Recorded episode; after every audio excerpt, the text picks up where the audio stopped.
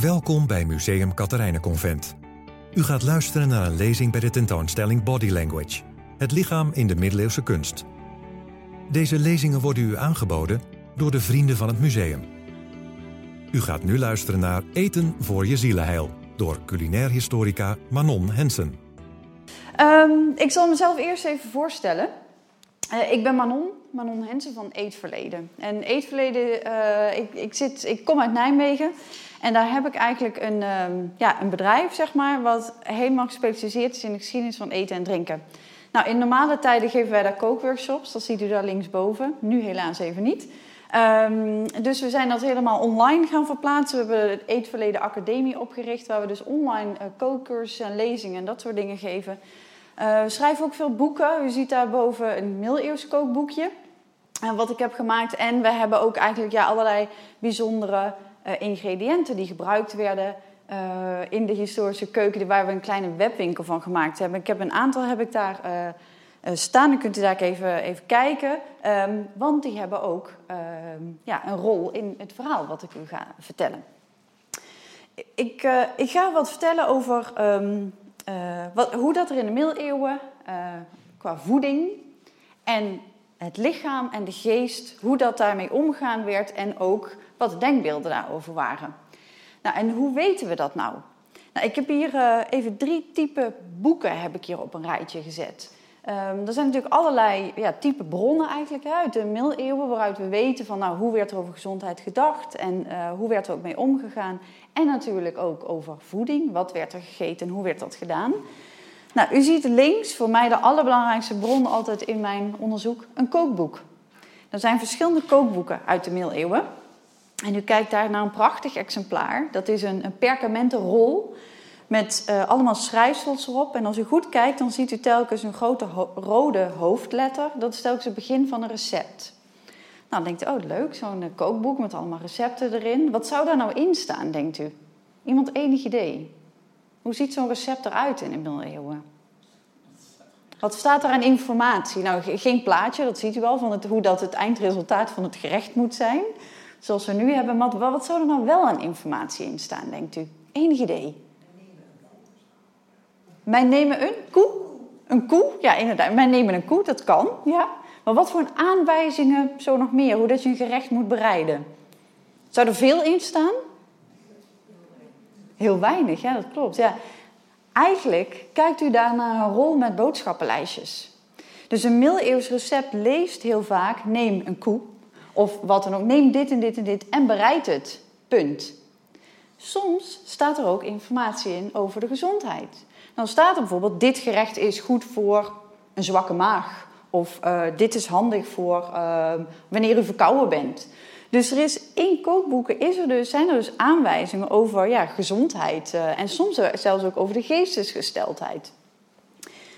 Daarnaast hebben we uit de middeleeuwen, en dat ziet u in het midden, een, dat is een prachtige boekverluchting uit een boek over de gezondheid. Daar kom ik, over dat boek kom ik daar zeker nog te, te, te, spreken. En u gaat heel veel platen uit dat boek gaat u ook zien.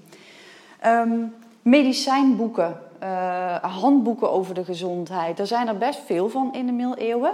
En wat nou zo heel aardig is, is dat er dus ook uh, uh, in die boeken ook informatie over eten staat. Dus er staat heel veel over kruiden en wat de toepassingen zijn van kruiden en waar het goed voor is, wat de karaktereigenschappen daarvoor zijn. Maar dus ook um, ja, soms als u dit, ik noem het als u, als u de koe, als u die combineert met, uh, met specerijen, dan is dat goed voor. En dat kan dan weer ja, iets in de gezondheid betekenen. Dus medicijnboeken. En veel van die medicijnboeken die hebben eigenlijk hun oorsprong in de klassieke oudheid. Dus in de Griekse en Romeinse oudheid. Daar zal ik straks ook nog iets meer over vertellen. Nou, en hier rechts, iemand enig idee wat, wat dat voor een boek zou kunnen zijn? Met al die prachtige planten erin. Een kruidenboek, ja, inderdaad, of een herbarium, heel goed. Ja. Kruidenboeken, die geven ook heel veel informatie. Want vaak staat er in die kruidenboeken per kruid ook verteld wat de karaktereigenschappen zijn van de verschillende onderdelen van zo'n plant. En ook weer waar dat, dat goed voor is voor het menselijk lichaam. Nou, en dan is eigenlijk zou je nog één extra ja, type bron of boek kunnen noemen. En dat zijn eigenlijk ook religieuze geschriften. Daar staan namelijk bijvoorbeeld heel vaak aanwijzingen in voor, uh, voor vasten bijvoorbeeld. Hè? Wanneer je iets wel of niet uh, mag eten in vaste periode. Of uh, bijvoorbeeld informatie dat... Ehm, nou, informatie moet ik zeggen eerder... afbeeldingen die we hier ook zien in de marge, die over eten en drinken gaan. Dus zelfs in religieuze geschriften, getijdenboeken, gebedenboeken. Ook daarin vind je best wel veel informatie over eten en drinken. Dit middelste boek wat u hier ziet, daar wil ik u iets over vertellen. En dat is dit boek. Dat heet de Taquinum Sanitatis. En de Taquinum Sanitatis is eigenlijk een boek, ik gebruik dat ontzettend veel in mijn onderzoek. Dat staat vol met prachtige platen. En uh, die platen die gaan over kruiden, die gaan over allerlei ingrediënten, die gaan soms zelfs over gerechten. Zoals hier. Hier zijn deze dames zijn pasta aan het maken. Als u daarboven ziet, ziet u tri'i staan. Tri'i is het Arabische woord voor pasta ontzettend veel informatie. Dit boek, dat komt ook uit de Arabische wereld. De Taqwim al-Siha heet dat, wat zoiets betekent als almanak van de gezondheid. En dat is via overschrijfsels, noem ik het maar even, is dat vanuit de Arabische wereld, is dat in Europa terechtgekomen. En dit is een uitgave die u ziet van de 14e eeuw. Dat oorspronkelijke boek, dat is uit de 11e eeuw, ontstaan in Bagdad, geschreven door Ibn Batloon, heette de beste man. En dit is dus een 14e eeuws exemplaar. En hier in Europa werden die boeken, zijn boek over de gezondheid, die Taqwim al-Seha, werd prachtig geïllustreerd met deze platen. Nou, dit is een voorbeeld ervan. En wat ik zo mooi vind aan het boek, dus eigenlijk een boek over de gezondheid, geeft heel veel informatie over wat er gegeten werd. Dus welke ja, voedingsgroepen en ingrediënten. Dan ben ik even benieuwd. Wat denkt u wat er nou zo de gemiddelde middeleeuwen at? Brood, heel veel brood. Granen dus, ja. ja. Dat is eigenlijk de eerste. Die zijn namelijk het belangrijkste. Vooral granen. Granen werden er heel veel gegeten in de middeleeuwen. Belangrijkste voedingsmiddel. Bonen. Nou, dat is nummer twee. Heel goed, ja. Pulvruchten. Ja, heel goed. Pulvruchten. Granen en pulvruchten vormen bijna de basis van het menu in de middeleeuwen. Ook heel mooi geïllustreerd. Deze uh, mensen zijn lupine aan het, uh, aan het oogsten. Um, nog eentje. Wat zou er nou zo nog meer gegeten zijn? Brood. Ja, brood hoor ik in. Vet. Vet, ja. Vlees ook wel, inderdaad. Ik zal ons een paar laten zien. Groenten. Hier ziet u links die dame. Enig idee wat zij, wat zij draagt op haar hoofd? Dat is ook heel, heel gezond in de, in de middeleeuwen. En nu nog steeds. Er zit veel ijzer in. Spinazie. Spinazie, heel goed, ja. En dit herkent u wel, denk ik. De aubergine, inderdaad. Dus veel groenten. Vooral voor de gewone man, daar kom ik straks nog even op. Fruit natuurlijk. Ze hebben granen, pulvruchten, groenten, fruit. Links worden de peren geoogst. En rechts, herkent u de vrucht? Granaatappel, inderdaad. Een vrucht vooral uit Zuid-Europa is dat. Dus tot nu toe hebben we een vrij vegetarisch menu. Hè? Misschien ook nog even leuk deze, gedroogd fruit. Er werden heel veel gedroogde vijgen, dadels, abrikozen, pruimen, dat soort dingen gegeten. En nog één in de vegetarische hoek. Noten. Deze mensen zijn amandelen aan het oogsten. De amandel kom ik ook zeker dadelijk nog even terug. Maar er werden ook, die, iemand noemde al vet, worden ook dierlijke producten gegeten. En dat zie je ook heel mooi in die uh, taquinum sanitatis. Zoals vis, wat we hier zien. Hier wordt vis verkocht. En in dit geval, dat is ook heel mooi, dit is geen verse vis. Er staat ook een plaat in het boek voor verse vis. Dit is ingemaakte vis. En u ziet het hier in de tonnetjes zit haring. Nou, dat kennen we eigenlijk nog steeds wel. Hè? En daarboven ook gezouten vis. Je ziet ze ook in die manden, zie je, zie je ze liggen. Dus vis werd er gegeten. Ook heel veel... Oh, daar gaan we weer. Pakt hij hem? Nee. Ik wilde zeggen vogels. Nou, uh, hij zit helemaal vast. Hij doet helemaal niks meer. Oh, het is heel vervelend. Ik heb zo'n mooi beeldmateriaal voor u uitgezocht. Uh, ik wacht even. Uh, vogels dus, in ieder geval. We hebben vis, we hebben vogels. vlees wordt er natuurlijk gegeten. Hij geeft weer even iets. Ja, ik start hem weer. Ja, ik vind het echt heel vervelend, sorry. Maar ja, daar gaan we weer. Even kijken of dat kan nou, dat krijg ik dus wel heel vaak te zien vandaag. Waar zijn... Oh nee. Ah. Het spijt me. En dit is ook niet echt leuk voor jouw verhaal. Kun jij knippen? Gelukkig, ja. De lezing wordt opgenomen namelijk. Ja, sorry. Eh, de vogels, daar zijn ze, sorry. Hier verkocht op de markt. Uh, vogels waren heel populair en ik kom zeker ook nog op gevogelte dadelijk even als het gaat over de gezondheid. En vogels geven natuurlijk ook eieren. Eieren worden ook heel veel gegeten in, uh, in, in de middeleeuwen. Ook weer prachtig uit datzelfde boek. En vlees, die noemde ik net ook al. En vlees hebben we eigenlijk um, ja, gedomesticeerde dieren, noem ik het maar. Zoals we hier zien we rund en denk ook aan varkens bijvoorbeeld. Maar ook wild. Was wild voor iedereen beschikbaar, denkt u? Nee, nee, dat is echt degene die het jachtrecht hadden. Hè, die, die konden eigenlijk wild uh, uh, ja, uh, verkrijgen. In dit geval worden de herten bejaagd, wat u hier ziet. Maar we zijn er nog niet helemaal. Zuivel. En dit is... Vogels, vogels. Ja, die hadden we net. Die zitten hier in, uh, in, de, in deze kooi, zeg maar, de vogels. Ik dacht meer aan kippen, maar... Ja, kippen. aan, vogels in de lucht. Ja, ook, ja. Ja, dat is op zich eh, een goede opmerking, want uh, wij denken vooral aan kippen. Wij eten vooral kippen en die werd zeker ook veel gegeten in de middeleeuwen. Maar de variatie aan gevogelte was heel groot. En dat varieerde echt van kleine vogeltjes, denk aan mussen, vinkjes, uh, luistertjes...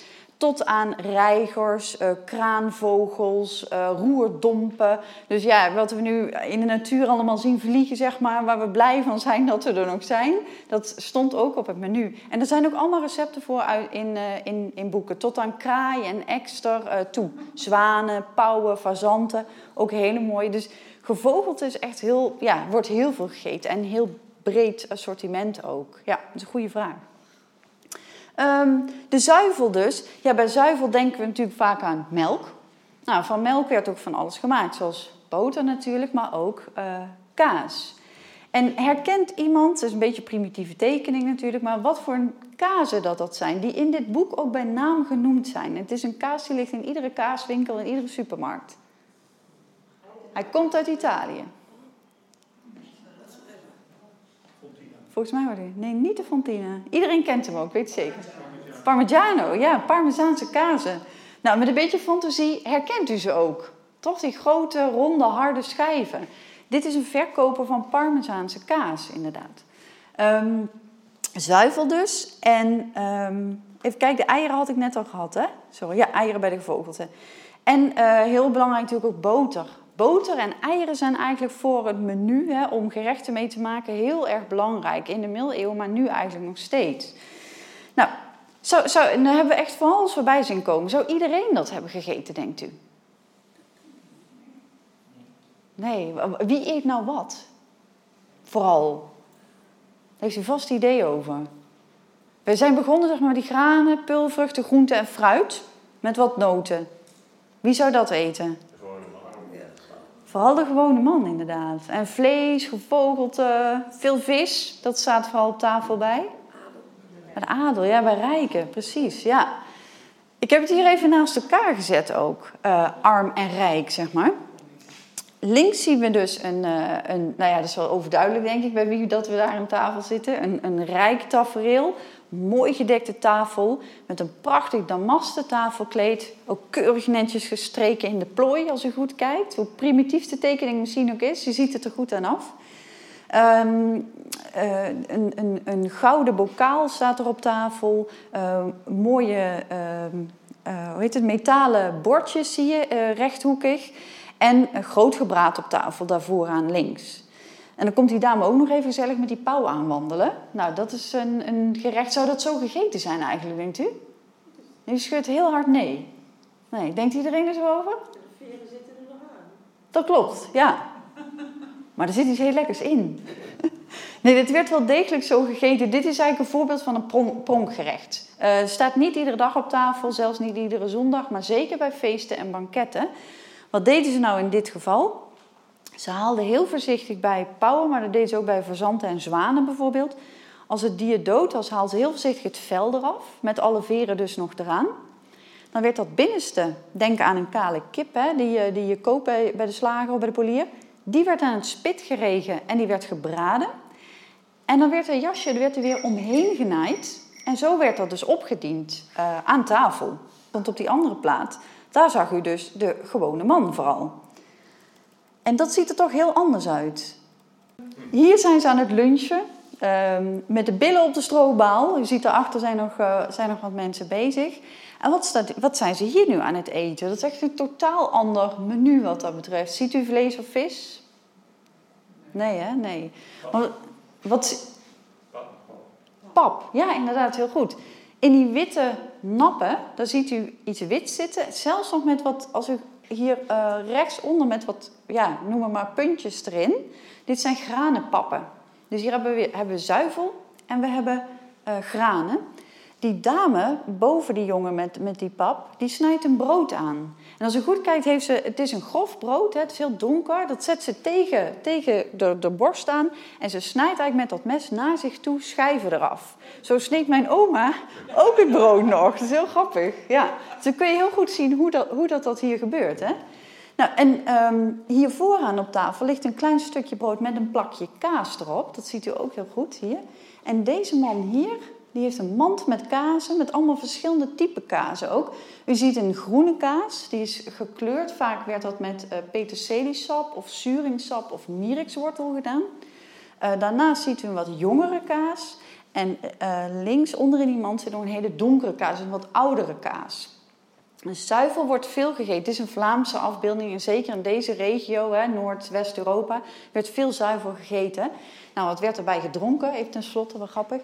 Wat zet die man daar aan zijn mond, die enorme kroes met?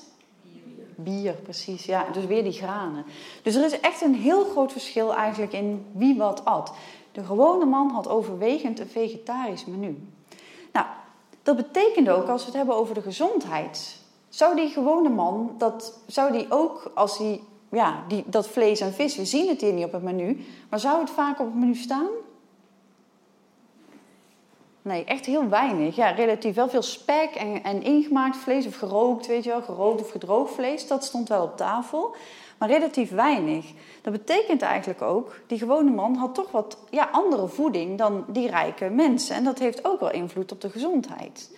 Want wat werd er nu eigenlijk vooral gedacht over wat er gezond is? Ik weet niet of dat u deze plaat kent. Um, we, gaan nu even, we gaan even kijken wat al die voedingsgroepen die we hebben gezien, wat dat nou betekent voor, voor het lichaam. Dit is een uh, plaat uit um, een getijdenboek van, en geschilderd door de gebroeders van Limburg. Um, het is een prachtig boek dat uh, wordt bewaard in Château de Chantilly in uh, Noord, Noord-Frankrijk. En dit is een plaat die ja, eigenlijk laat zien dat de mens een microcosmos is. Dus wij zijn een microcosmos in de grote kosmos. Daar ga ik daar ook wat meer uh, over vertellen. Want als je nou denkt aan, ik heb net verteld, dat type boeken en dan een beetje wat je daarin ziet. En we hebben al die, die groepen gezien. Hè, wat wordt er nou zoal gegeten? Wat voor een type ja, gezondheidsleren waren er eigenlijk in de middeleeuwen? Nou, één hebben we eigenlijk al gezien in dat kruidenboek. Ik denk dat dat ook wel bekend is uit de middeleeuwen, de kruidenleer. Ze werden heel veel goede en soms ook slechte karaktereigenschappen aan kruiden uh, toegekend.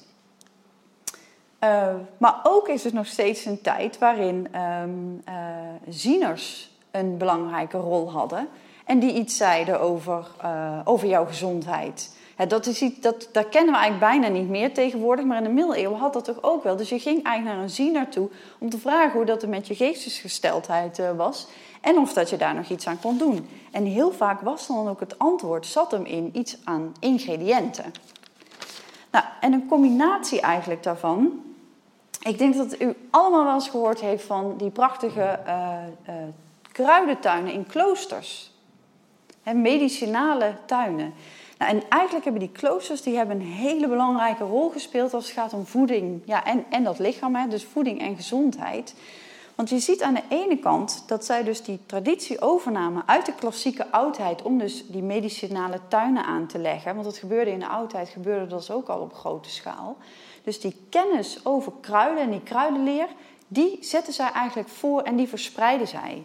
Dus zo'n klooster ergens in zo'n gemeenschap, in zo'n dorp, dorpelingen gingen dan ook naar zo'n klooster toe om daar, ja, of voor geneesmiddeltjes zeg maar, Of misschien wel voor advies om ziekte te voorkomen ook. Dus het is niet, niet alleen genezen, maar ook voorkomen. En dat is wel iets wat uh, misschien even heel klein zijstap. Dat is eigenlijk vooral wat wij doen hè, tegenwoordig. Wij voorkomen meestal niet. Wij zijn alleen maar aan het genezen. Nou, dat, dat voorkomen heeft zeker een belangrijke rol ook in, uh, in, uh, ja, in, in de middeleeuwen. Uh, dus aan de ene kant hebben die kruiden in die kloosters, maar die kloosters hebben nog een ander, of die monniken eigenlijk, die hebben nog een andere belangrijke functie gehad. Wat gebeurde er nog meer in kloosters? Wat, wat heel veel heeft bijgedragen sowieso aan de verspreiding van kennis. Heel goed, geschriften gekopieerd, precies, ja. En wat komen die, we krijgen die monniken daar nou allemaal onder hun neus in die kloosters? Wat voor een type geschriften? Die ik dus straks noemde. Ja, aan de ene kant religie, ja. Maar aan de andere kant die gezondheidsboeken uit de oudheid en uit de Arabische wereld. Dus je ziet dat in die kloosters eigenlijk een, een, ja, een soort van combinatie zeg maar, uh, plaats gaat vinden. Van de ene kant um, meer een, een, natuurlijke genezing hè, van, van die kruiden en zo. En aan de andere kant heb je, uh, en dat is dan vooral gebaseerd zeg maar, op, um, op uit, uit de oudheid. En aan de andere kant speelt ook een religie. Dus de beste genezing eigenlijk in de middeleeuwen, als je vanuit de kloosters uh, redeneert, is ook uh, genezing is een natuurlijke wijze, maar ook spiritueel. Nou, en misschien heeft u wel eens gehoord van Hildegard von Bingen, een bekende naam wel ook. Nou, en zij combineerde dat dus ook. Dus zij staat bekend aan de ene kant om haar kruidenleer, aan de andere kant ook om haar religieuze rituelen. En veel bidden geeft een goede gezondheid. Maar er is er nog eentje wat zij aanhangt, en dat is iets minder bekend. En dat is um, een, een, leer die ook uit de oudheid komt, de humorenleer. Heeft u daar wel eens van gehoord?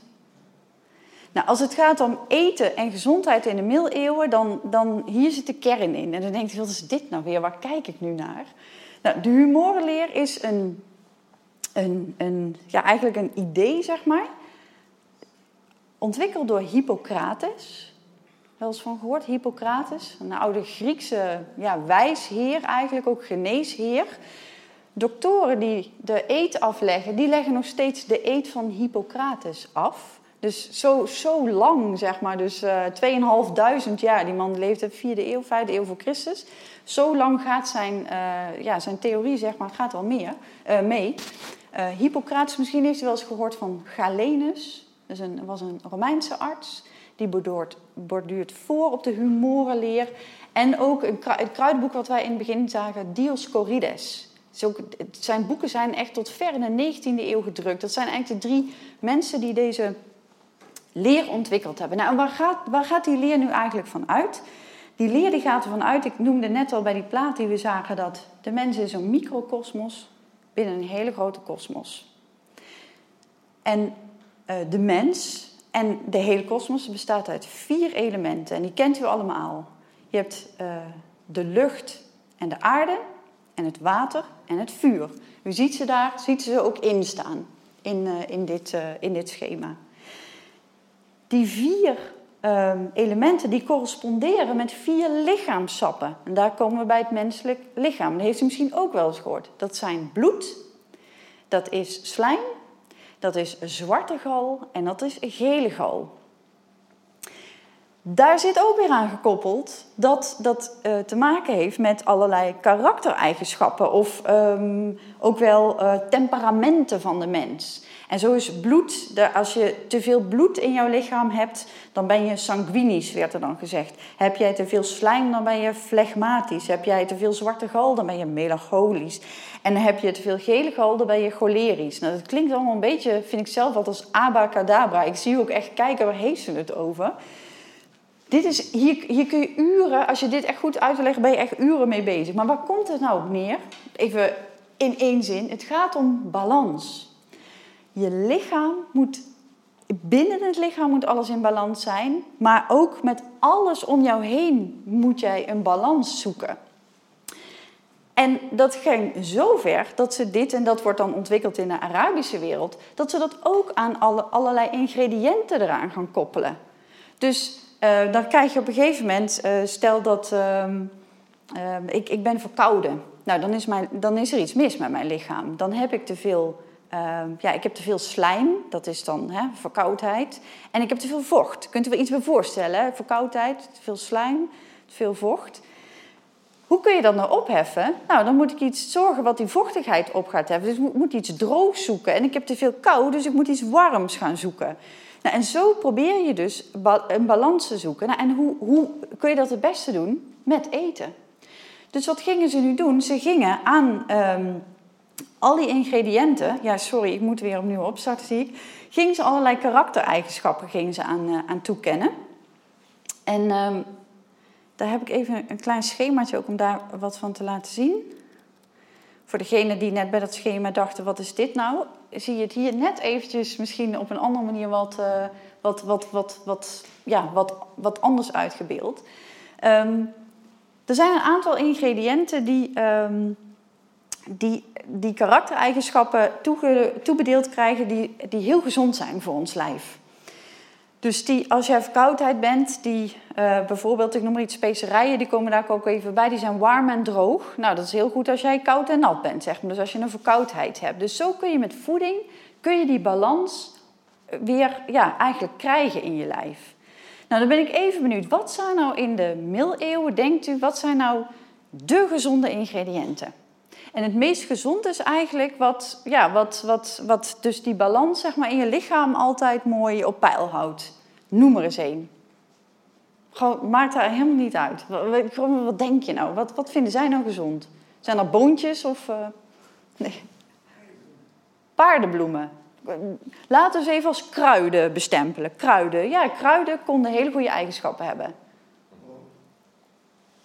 Ik hoor er nog één.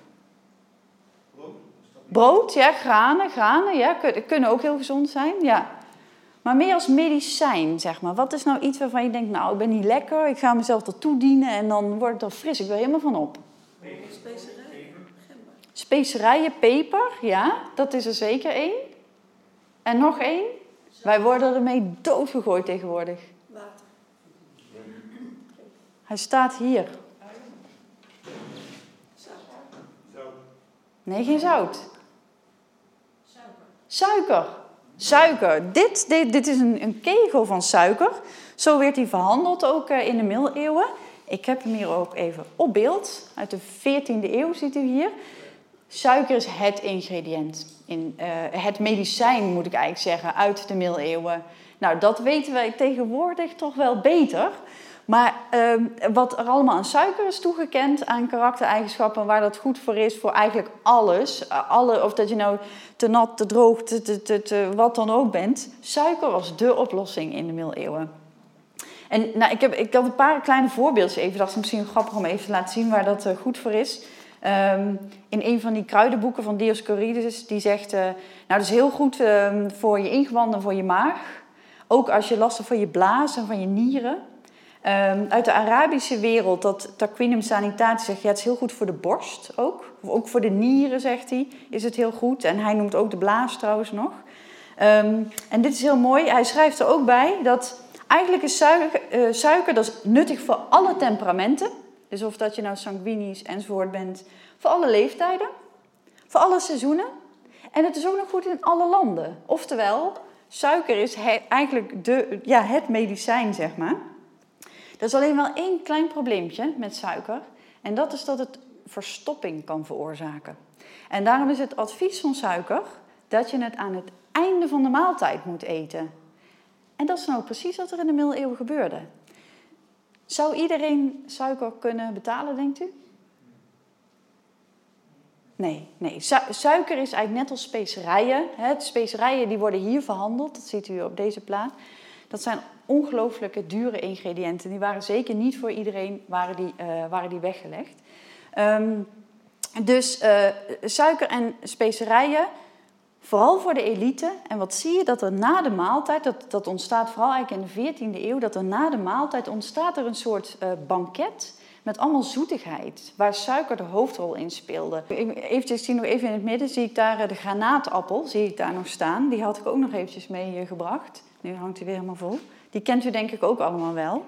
Nou, en wat zie je dan met die granaatappel? Dat is wel heel erg grappig. Die werd dan ook, dat heb ik hier meegenomen, voor degenen die daar even willen proeven. Er staat een lepeltje in, moet je even proeven. die werden geconfijt. En zo geconfijt fruit, eh, vooral granaatappel, maar ook de kweepeer, dat zijn dus echt ingrediënten die heel veel eh, gebruikt werden. Eh, of, of in ieder geval waar goede eigenschappen aan toegekend werden. Wat doet dat nou, dat die hele theorie en al die eigenschappen die aan... eh, oh, ik wilde nog even wat Ik vragen. wil nog vragen over die humorenleer. Ja? Is dat dan hetzelfde als Ayurveda? Er zijn parallellen. Ja, er zijn parallellen en er zijn ook weer parallellen met de Chinese vijf kruidenleer, die nog heel actief is, net als de Ayurvedische ehm, ja, leer, zeg maar. Daar zijn zeker parallellen. Ja, en dit. Eh, het zijn twee verschillende dingen, maar er zitten heel veel overeenkomsten in. En Ook, ook met die Chinese vijf kruidenleer. Heel veel dezelfde ehm, ja, eh, ideeën eh, en karaktereigenschappen die aan ingrediënten worden toegekend. Ja. Daar zijn specerijen, zoals als gember bijvoorbeeld, die worden natuurlijk ook, ja, dat, dat, dat heel, en kurkuma, zie je in de middeleeuwen dus in deze leer, en dat zie je nu ook in die Ayurvedische leer en zelfs in de, in de Chinese vijf kruidenleer. Er zijn veel overeenkomsten, ja. Ehm, wat doet dat nou met gerechten? Dus gaan we even terug naar die kookboeken. Daar zie je dus invloeden van die leer, zie je daar ook in. U ziet links ziet u een bordje eh, met een vis erop. Als ik naar visrecepten kijk in kookboeken, dan denk ik af en toe, wie verzint deze combinatie? Er worden namelijk ontzettend veel specerijen en ook een hele eh, grote variatie aan specerijen, die worden gebruikt bij die visgerechten. Dat je echt af en toe, ja, en experimenteer ontzettend veel met historische recepten, dan denk ik nee, dit kan niet zo bedoeld zijn. Maar als je dan kijkt hoeveel waarde dat er werd gehecht aan die, eh, die combinatie met die gezondheid, dan is het eigenlijk helemaal niet zo gek. Want een vis is dus nat en koud, dat kunt u zich voorstellen. En specerijen zijn warm en droog. Dus als je specerijen bij vis gaat gebruiken, dat zorgt dus voor balans, hè, volgens die humorleer, in zo'n gerecht. Vandaar dat je dus af en toe best wel qua smaak, zeg maar, een beetje aparte gerechten tegenkomt. En dan, eh, nou, de suiker heb ik net eigenlijk al over verteld. Hè. Ehm, suiker werd ook gebruikt in, je ziet die man die staat hier een drankje te drinken, kruidendranken. Hippocras. Wie heeft er wel eens van Hippocras gehoord? U kent het. Waar komt die naam vandaan? Hippocras, ik heb de, de naam net van iemand genoemd. Hippocrates, precies. Hè? Die geneesheer, dus dit, dit kruidendrankje met suiker en specerijen gingen daarin, is dus weer vernoemd naar die geneesheer. Een drankje wat in bijna ieder middeleeuwse kookboek voorkomt in heel Europa. Nou, en in het midden, wat kreeg u vroeger toen u klein was als u ziek was van uw moeder? Oh, kippenvel. Precies, ja, kippensoep. Ik ook. Nou, ehm, wat heel aardig is, is in kookboeken zie je niet alleen af en toe losse gerechten en rare combinaties, maar bijna alle kookboeken in de middeleeuwen hebben ook specifiek aangeduid recepten voor zieken. Soms zelfs hele hoofdstukjes, ook met huismiddeltjes en recepten voor zieken. En wat zie je daar heel vaak als ingrediënt in die gerechten vooral? De hoen of kapoen. Hoen is een, een, een eh, kip is een hoendersoort. Weet iemand wat een kapoen is? Sinterklaas kapoentje. Precies, gecastreerde haan. Dan ga je wel anders nadenken over dat liedje trouwens. Sinterklaas kapoentje. Ja. Dus invloed op ingrediënten, invloed op gerechten, ja, die was heel groot in de middeleeuwen. En nu zit hij weer vast. Nou, ik, ehm, ik wacht even totdat hij wat doet, want ik wilde nog even iets zeggen over voedsel en de geest natuurlijk. Hè? Want hier, ehm, qua deze gezondheid gaat het vooral om het lichaam, maar het is niet alleen het lichaam. Het gaat er ook over de geestesgesteldheid. Maar er is nog iets anders als het om de geest gaat, en dat is religie. Zou religie invloed hebben gehad op eten, denkt u? Op zo'n kookboek of op een gerecht of op een ingrediënt? U knikt ja. Waarom, denkt u? Precies, onthouding, ja. Vasten dus, inderdaad. Oh, ik kan weer.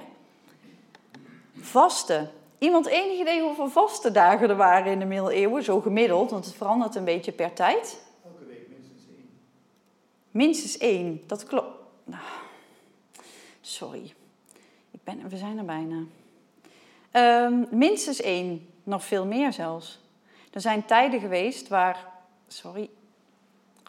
Nou, ik word er helemaal zenuwachtig van.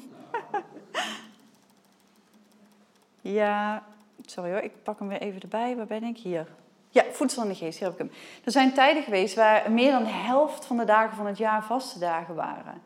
Je hebt in ieder geval de grote vasten, tussen als woensdag en Pasen, hè, de 40 werkdagen voor Pasen, zeg maar.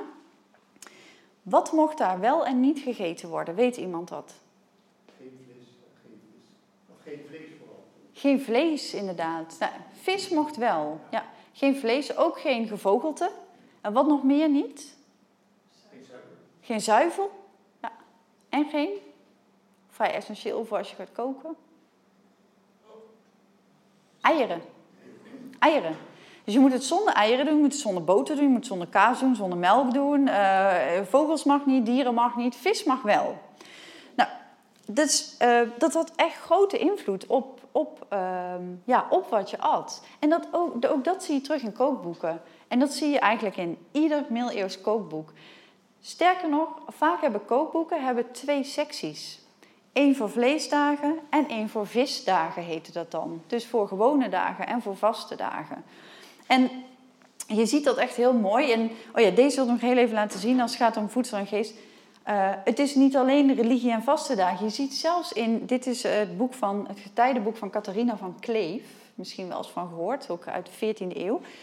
Je ziet ook dat heel vaak eten in uh, religieuze boeken wordt afgebeeld zelfs. Maar ik had hier even de vaste om even te illustreren van, ja, dat er ook heel, ja, ook echt, als het om voeding gaat, dat er echt een, een grote rol had. Deze is iets later, dit is uh, halverwege de 16e eeuw, van Breugel, dit schilderij. Maar dit illustreert echt zo mooi um, ja, als het om eten gaat. Je ziet daar links zie je de gewone dagen. Je ziet iemand op een, op een grote ton zitten met bier of met wijn. Um, hij, is ook, hij ziet er gezellig uit, zeg maar. Hij heeft een flinke buik. Op zijn uh, hoofd ligt een prachtige pastei. Hij heeft een spit vast waar hij dadelijk mee gaat vechten met hier magere hein, zeg maar. Noem ik hem maar even. Een spit met allemaal vlees eraan. Er zit een, een, een, een kop van een dier op en er zit uh, een, een, een, vogel zit erop uh, geprikt. je ziet hieronder zie je ook nog wat eieren liggen. Daarboven hem is ook een dame die is wafeltjes aan het bakken met zuivel en met eieren. Dus het is echt duidelijk een niet vaste dag. Ja, dan kijken we dus hier dit plaatje. Dat ziet er echt wel heel anders uit. Er liggen hier wat koeken. Krakelingen ziet u hier op zijn wagentje liggen. Krakelingen zijn heel typerend voor de vaste periode. Er werden heel veel gegeten. Ja, wat heeft hij daar? Hij heeft daar een broodschep. Hè? Dus veel granen, veel brood werd er gegeten met twee visjes erop. Dus dat, dat illustreert, denk ik wel heel mooi, zeg maar, die twee werelden. En over granen gesproken, je ziet die mensen hierachter ook, die hebben allemaal koeken en, uh, en brood hebben ze vast. Dus dat had een ongelooflijke grote invloed, dat vaste, op wat er gegeten werd uh, door iedereen. Um, vlees- en visdagen dus in boeken. Daar zien we het vlees, hier zien we die vis nog even. Nog even. Je ziet dat vooral die elite dus... Um, echt niet opeens vegetarisch gaat eten. De sectie met visgerechten is dan ook echt enorm in die kookboeken. En heel vaak is heel grappig dat dezelfde type gerechten de ene keer met vlees worden gemaakt en de andere keer worden ze met vis gemaakt.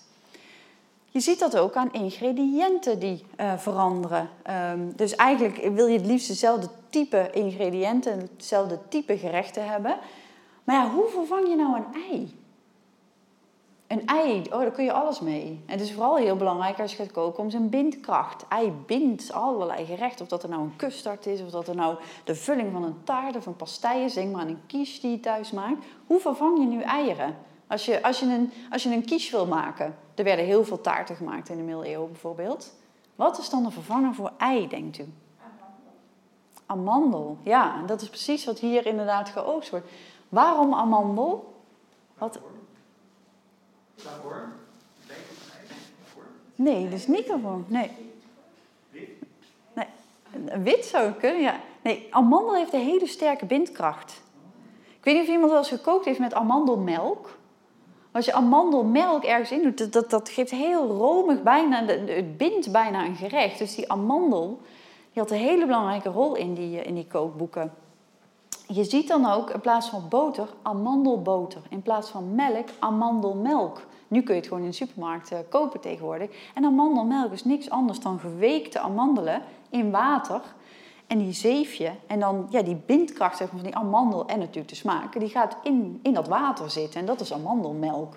Dus dat had een hele belangrijke rol. Maar waren die amandelen voor iedereen toegankelijk, denkt u? Nee, inderdaad. Groeien amandelen hier in Nederland? Nee, die moesten allemaal uit Zuid-Europa komen. Dus die amandelen, nee, dat kon niet iedereen betalen. Dus we hebben over, als het gaat om vervanging van ingrediënten en gerechten, dan hebben we het eigenlijk vooral over de elite. Want die gewone man, ja, die koude al op zijn, op zijn boterham met kaas, zeg maar. Dat was even lastig, die kaas, die kon niet meer. Dat werd dus vaak een droge boterham voor die gewone man. Dus die vaste tijden, die vaste dagen, dat waren er echt ontzettend veel in, uh, in de middeleeuwen. Die, dat was geen fijne tijd voor, uh, ja, voor de gewone man. Je ziet dat dus ook in gerechten, zie je dat terug. Ik heb het net eigenlijk al een beetje verteld, ander type gerechten. Vlees wordt vervangen door vis. Um, je ziet wat meer groenten op het menu. Nou, dat is op zich logisch natuurlijk. En in het midden had ik even die vrouw met die pauw terug laten komen. Uh, het is namelijk zo, dat ze, uh, bij die elite heb ik dan even over wat ik net vertelde, dat ze eigenlijk toch wel het liefst gewoon die gerechten hadden die ze op gewone dagen ook eten. Nou, dan zijn er eigenlijk twee dingen die je ziet in, in kookboeken en ook in allerlei andere geschriften. Eén is dat ze net gaan doen alsof. Dus dan zie je bijvoorbeeld een gerecht wat gemaakt wordt, wat lijkt op een vogel of op een ham, maar dat is dan gemaakt van visvlees bijvoorbeeld. Dus een schijngerecht noem ik dat dan altijd. Pronkgerechten van schijngerechten. Um, dat werd dus heel veel gedaan. Um, en dus ook ander type ingrediënten gebruiken, wat ik dus net al zei. Nou, zou dit nu allemaal, al die invloeden van die gezondheid, zou dat ook iets met smaak hebben gedaan, denken jullie? In de middeleeuwen? Ja, best wel. Maar dan zeg ik er wel bij, vooral eigenlijk voor degenen die zich dat konden veroorloven. Want uh, we hebben net gezien suiker. Ik heb hier, dus dan moet u daar maar eens kijken, ik heb hier allemaal wat, wat specerijen staan. Die hebben een hele belangrijke rol erin. En dan niet alleen specerijen die u kent, maar ook bijvoorbeeld lange peper heb ik hier. Of uh, paradijskorrel, dat is ook een hele leuke. Dat zijn deze hele kleine korreltjes. U moet daar maar eens even kijken. Um, met smaken kun je heel veel natuurlijk als je eh, ja, dingen gaat vervangen. Uh, dus dat zie je ook. En ik heb hier even als afsluiting, dat, om even mee af te sluiten, om een beetje idee te geven ook van ja, wat is nou eigenlijk de smaak van de middeleeuwen? Want we hebben natuurlijk vooral over gezondheid, maar wat zie je nu in die kookboeken? Wat zie je terug aan ingrediënten in die kruidenboeken en gezondheidsboeken? Wat invloed had op de smaak in de middeleeuwen?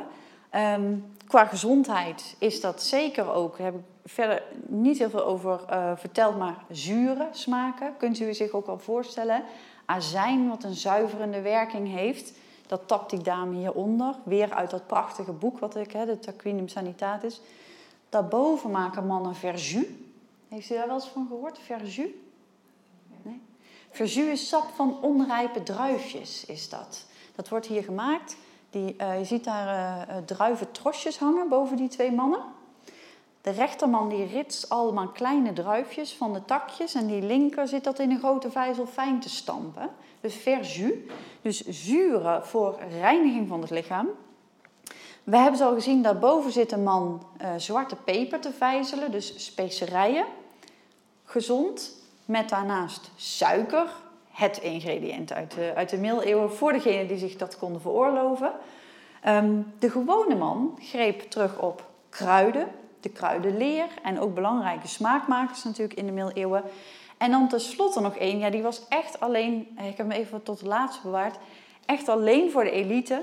Er werden ook ontzettend veel um, goede eigenschappen aan uh, toegekend. En dat geldt ook nog, ik had hier even een leuk boekje meegenomen uit de 17e eeuw. De borgerlijke tafel om lang zonder ziekte gezond te leven. Ook hierin komt safraan uh, voor. En overigens is suiker ook nog steeds vrij gezond, volgens deze arts. Um, weet iemand wat het is? Safraan, inderdaad, safraan. Ja, ja inderdaad, de meeldraadjes van de safraankrokus. Ja. Een specerij wat ontzettend prijzig is. Uh, in de middeleeuwen al, maar nu nog steeds. Maar um, misschien wel daardoor, dat is waar ik mee af, af wil sluiten, misschien daardoor ook wel uh, zoveel gezonde eigenschappen. Want wat valt nou eigenlijk op aan en de kruidenboeken en de gezondheidsboeken en zelfs aan de kookboeken en je kijkt een beetje naar die gezondheid, het zijn toch wel vaak allemaal dure ingrediënten. Die hè, voor die tijd dan, die, eh, eh, ja, die allerlei goede karaktereigenschappen werden toegekend. Maar ze hadden toch honing? Van, Ja. nou, waarom hebben ze dan behoefte aan suiker? Honing was dus ik, eh, heeft ook alles te maken met status. Je ziet ook namelijk dat, dat is heel interessant, dat wanneer in de 17e eeuw er allerlei specerijen naar Nederland komen, hè, want we gaan dat zelf halen in Indonesië, dan zie je dat de elite afscheid gaat nemen van specerijen in zijn menus. Die gaat andere type eh, smaak maken, zoals rozenwater en oranjebloesemwater en zo allemaal gebruiken. Dus dat, dat, daar zie je echt een verandering. Dus dat is status. Suiker niet. Suiker is eigenlijk tot op de dag van vandaag altijd populair gebleven. En dat heeft denk ik toch ook met smaak te maken. Suiker is een, ja, ik weet niet of dat ik dat mag zeggen, maar het, suiker is toch een beetje verslavend. Het is een verslavende smaak. eh. dus dat is eigenlijk altijd gebleven in de 17e eeuw. Maar ook, ja, tot op de dag van vandaag zou je kunnen zeggen. Nou, en Hoe zat het met zout? Zou, je zout heb ik eigenlijk niet zoveel over verteld. Eh, dat kom je ook wat minder tegen in eh, kruidenboeken, in gezondheidsboeken en zelfs in kookboeken. Want zout eh, in gerechten zie je eigenlijk pas vanaf de 17e eeuw. Dus in de middeleeuwen was zout eigenlijk niet per se gezondheid, maar dat was gewoon een middel om al je eten te conserveren. Dus ja. Ik, ik, dank, ik dank u. ja. Ehm, als u eh, denkt van, nou, ik, wil, eh, ik, ben wel nieuwsgierig geworden, dan zou ik zeggen, ik had er wat flyers neergelegd. Kijk eens op de website, want de, de website staat helemaal vol met verhalen over geschiedenis van eten en drinken. En allerlei recepten over als het gaat om eten en drinken. Dus als u denkt van, nou, ik, heb toch, ik wil toch eens een keer een, een lekker middeleeuws eh, gerecht maken. En eh, dan ga ik zorgen dat het heel gezond is met mijn specerijen en mijn safraan en, mijn, suiker, veel suiker. Dan eh, van harte uitgenodigd om eens een keer lekker middeleeuws te gaan koken. Dank jullie wel.